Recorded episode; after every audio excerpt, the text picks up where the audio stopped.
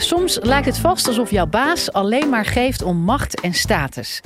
En dat terwijl een goede leider vaak juist wel wat empathie kan gebruiken. In deze podcast slaan organisatiepsycholoog Kilian Babou en neuropsycholoog Erik Scherder de handen ineen om uit te leggen wat er in het hoofd van jouw leidinggevende omgaat.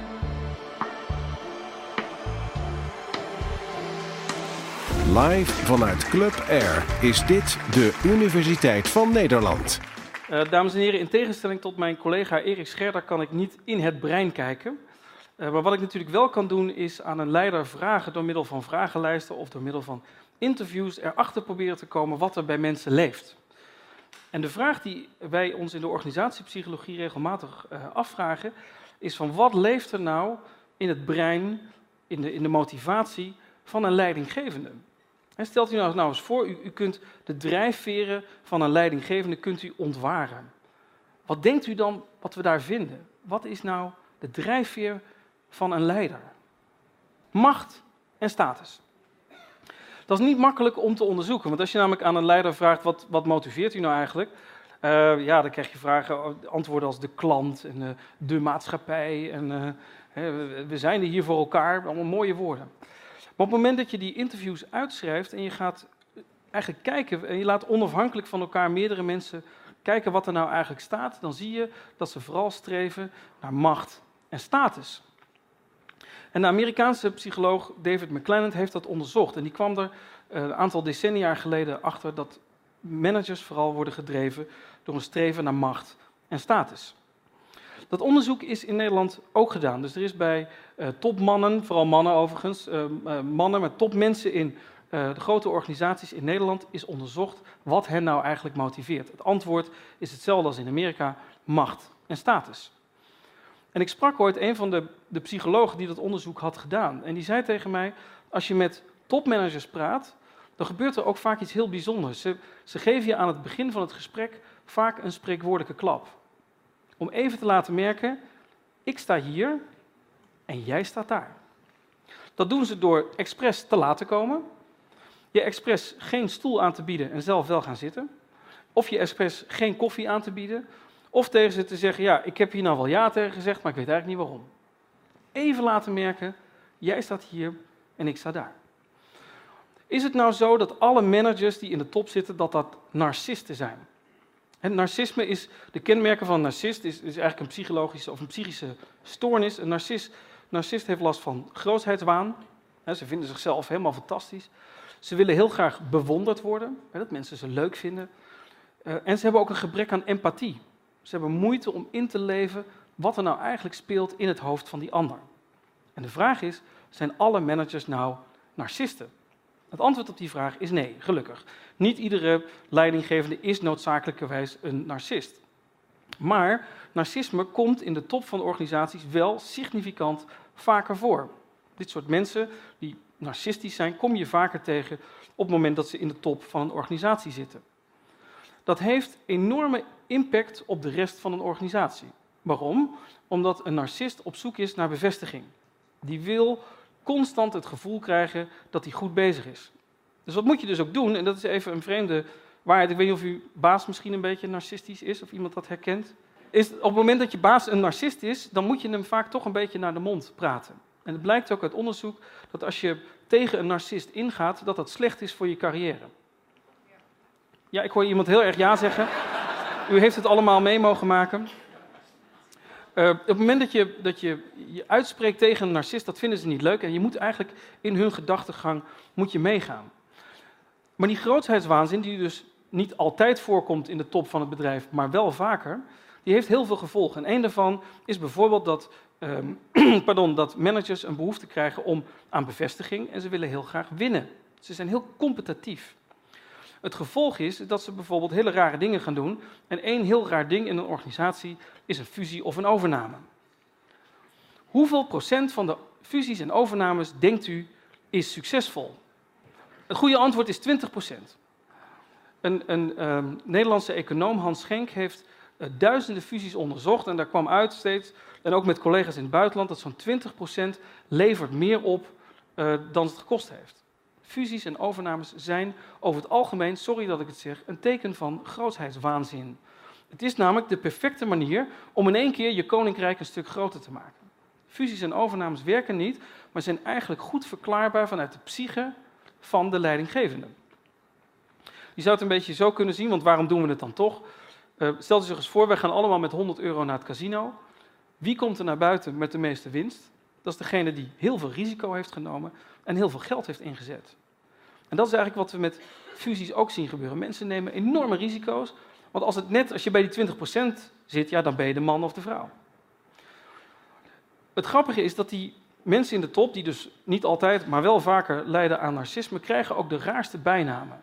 Zo heb je de gorilla van Wall Street, je had uh, de slang, de generaal, uh, de, de, de, aap, de, nou, alle rare woorden voor dit soort uh, figuren. En zelf heb ik ooit mogen werken in een bedrijf wat werd overgenomen door Fred. Fred de Shred, oftewel Fred de papierversnipperaar. En inmiddels is vastkomen te staan dat Fred een 100% narcist was. Dat merkte hij op de volgende manieren. hij luisterde naar niemand. Hij wilde alleen maar zelf bepalen wat hij moest doen. Uh, maar hij had ook volledige grootheidswaanzin. Hij bemoeide zich met alles, dus ook de kleur van het tapijt. Letterlijk. Uh, en iedereen was zo bang voor hem dat er iemand vooruit ging als hij op dienstreis ging. En dan moest er gecontroleerd worden of er geen bananen waren met vlekken, want die wilde hij niet. Mocht u denken dat dit een grap is, helaas, dat is niet het geval. Het gevolg is dat die mensen die willen dus bevestiging. En wat zie je is dat leiders, zeker narcisten, worden omgeven door leugenaars. En dat is een probleem voor veel leidinggevenden. Managers worden vaak omgeven door leugenaars. Waarom? Omdat dat het beste is voor je loopbaan. Ga vooral mee in het gedachtegoed van een narcist. Een ander um, duidelijk onderdeel daarvan is dat uh, mensen in de top in het algemeen en narcisten in het bijzonder slecht luisteren. En wat blijkt nou uit onderzoek in organisaties? Luisteren is ongelooflijk belangrijk. Dus wat kunnen wij leren van narcisme? Dus hoe kunnen we nou eigenlijk leren hoe het niet moet? Is dat we eigenlijk goed moeten luisteren naar onze medewerkers. Dames en heren, ik ben een heel klein beetje jaloers op Erik Scherder. En dat ben ik om meerdere redenen. Eh, maar een van de redenen is dat ik nooit, eh, in het, ik heb nooit iets om wat te laten zien. Hij, kan, hij heeft het over het brein en dan kan hij zo mooi laten zien en waar het allemaal zit. En vandaag, dames en heren, kan ik u ook eens een keer wat laten zien. Want ik heb namelijk het hoofd meegenomen van een leidinggevende. Als ik u een tip mag geven, als u zelf leidinggevende bent en u wil uh, op, die, op die schaal van narcisme wilt u niet al te hoog scoren en u wilt dus niet de fout maken die de narcist wel maakt, dan moet u goed luisteren. En de metafoor die daarbij hoort, u ziet deze persoon is uitgerust met twee oren en één mond. En als u nou één tip van mij mag krijgen op het gebied van leiderschap, zorg dat u ongeveer twee keer zoveel luistert als dat u praat. Als u dat nou doet, loopt u de kans dat u, dat u zelf een narcist wordt, wordt in één keer een stuk kleiner. Maar zoals gezegd, ik kan niet in het brein kijken. Um, en er is hier iemand die wel in het brein kan kijken en die kan uitleggen of narcisme nou zichtbaar is in het brein. En die persoon is mijn collega Erik Scherder. Dank je, Kilian. Ja, uh, leuk om te kijken uh, hoe dat narcisme eruit ziet in het brein. Ik moet zeggen, het is ook wel een beetje een tricky onderwerp. Ik heb het over mezelf ook wel eens gelezen al. Ja, denk ik bij mezelf om het te troosten.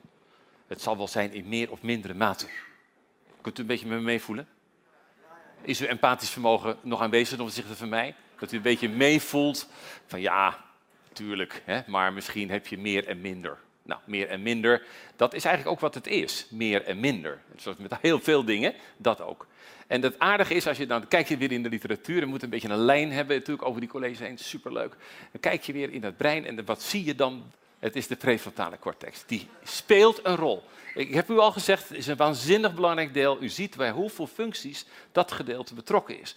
Als u trouwens aan mij zou vragen, dus ik moet dat gebied koesteren, zeg maar, die frontale lob, is natuurlijk het antwoord volledig ja. Dat is zo ontzettend belangrijk als u ziet waar het niet allemaal een rol bij speelt.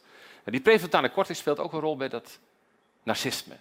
En in, welke, in welk opzicht? Het aardige is als je niet narcistisch bent, stel helemaal nul, hè, dan uh, is eigenlijk het, uh, de, het verhaal erachter is, kijk, ik heb mijn zelfbeeld. Ik heb zelfreflectie. Ik heb een gevoel over mezelf. Met mijn minnen en mijn plussen. En ik ben tevreden over mezelf. Zelfreflectie was een hersenfunctie. Hè? Speelt die frontaal op, vooral ook de binnenkant ervan. En de voorkant speelt een grote rol erbij.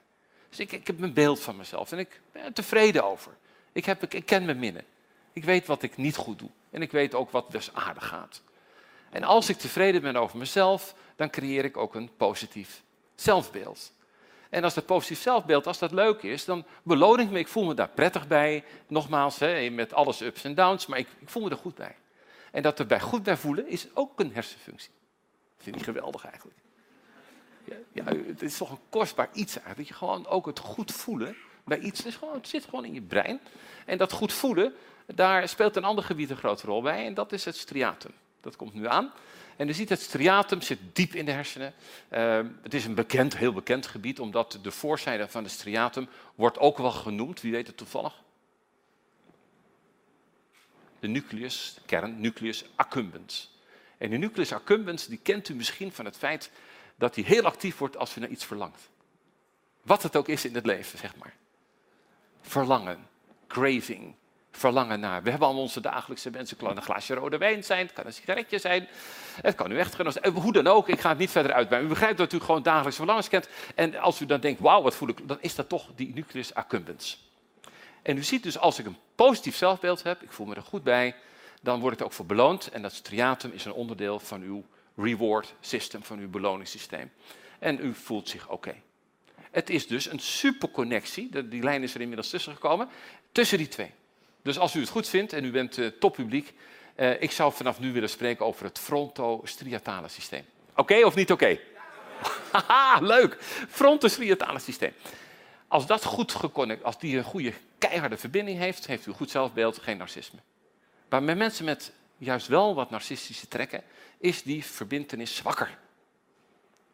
Dus dat zelfbeeld is er niet zomaar zo positief.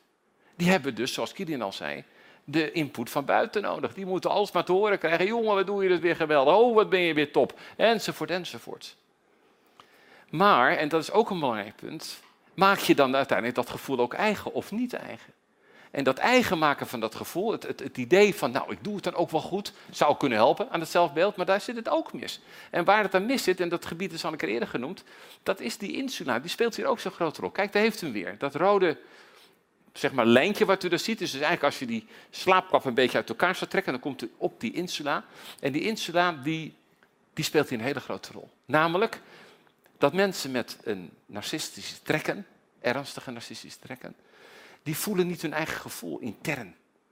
dus als je dan denkt, voel ik me goed of kan ik me goed voelen, dan voel ik intern. Maar als je die mensen dan wat aanbiedt, zeggen joh, wat doe je toch goed? Dan vertaalt men dat niet in een eigen goed gevoel. Het komt niet aan in dat goede gevoel. Het wordt genoemd alexithymie. Je kunt niet je eigen gevoel gewoon vertalen. Dus dat betekent, ben ik helder? Dat betekent dat je dus steeds meer nodig hebt. En het lukt maar niet om die vertaling te maken, dus je bouwt het ook niet op. Nou, dat is natuurlijk wel ontzettende pech, want dat heb je nou juist nodig. Om dat hele gevoel van dat narcisme, zeg maar, uiteindelijk ook misschien nog weer wat... Het was een glijdende schaal, in meer of mindere mate.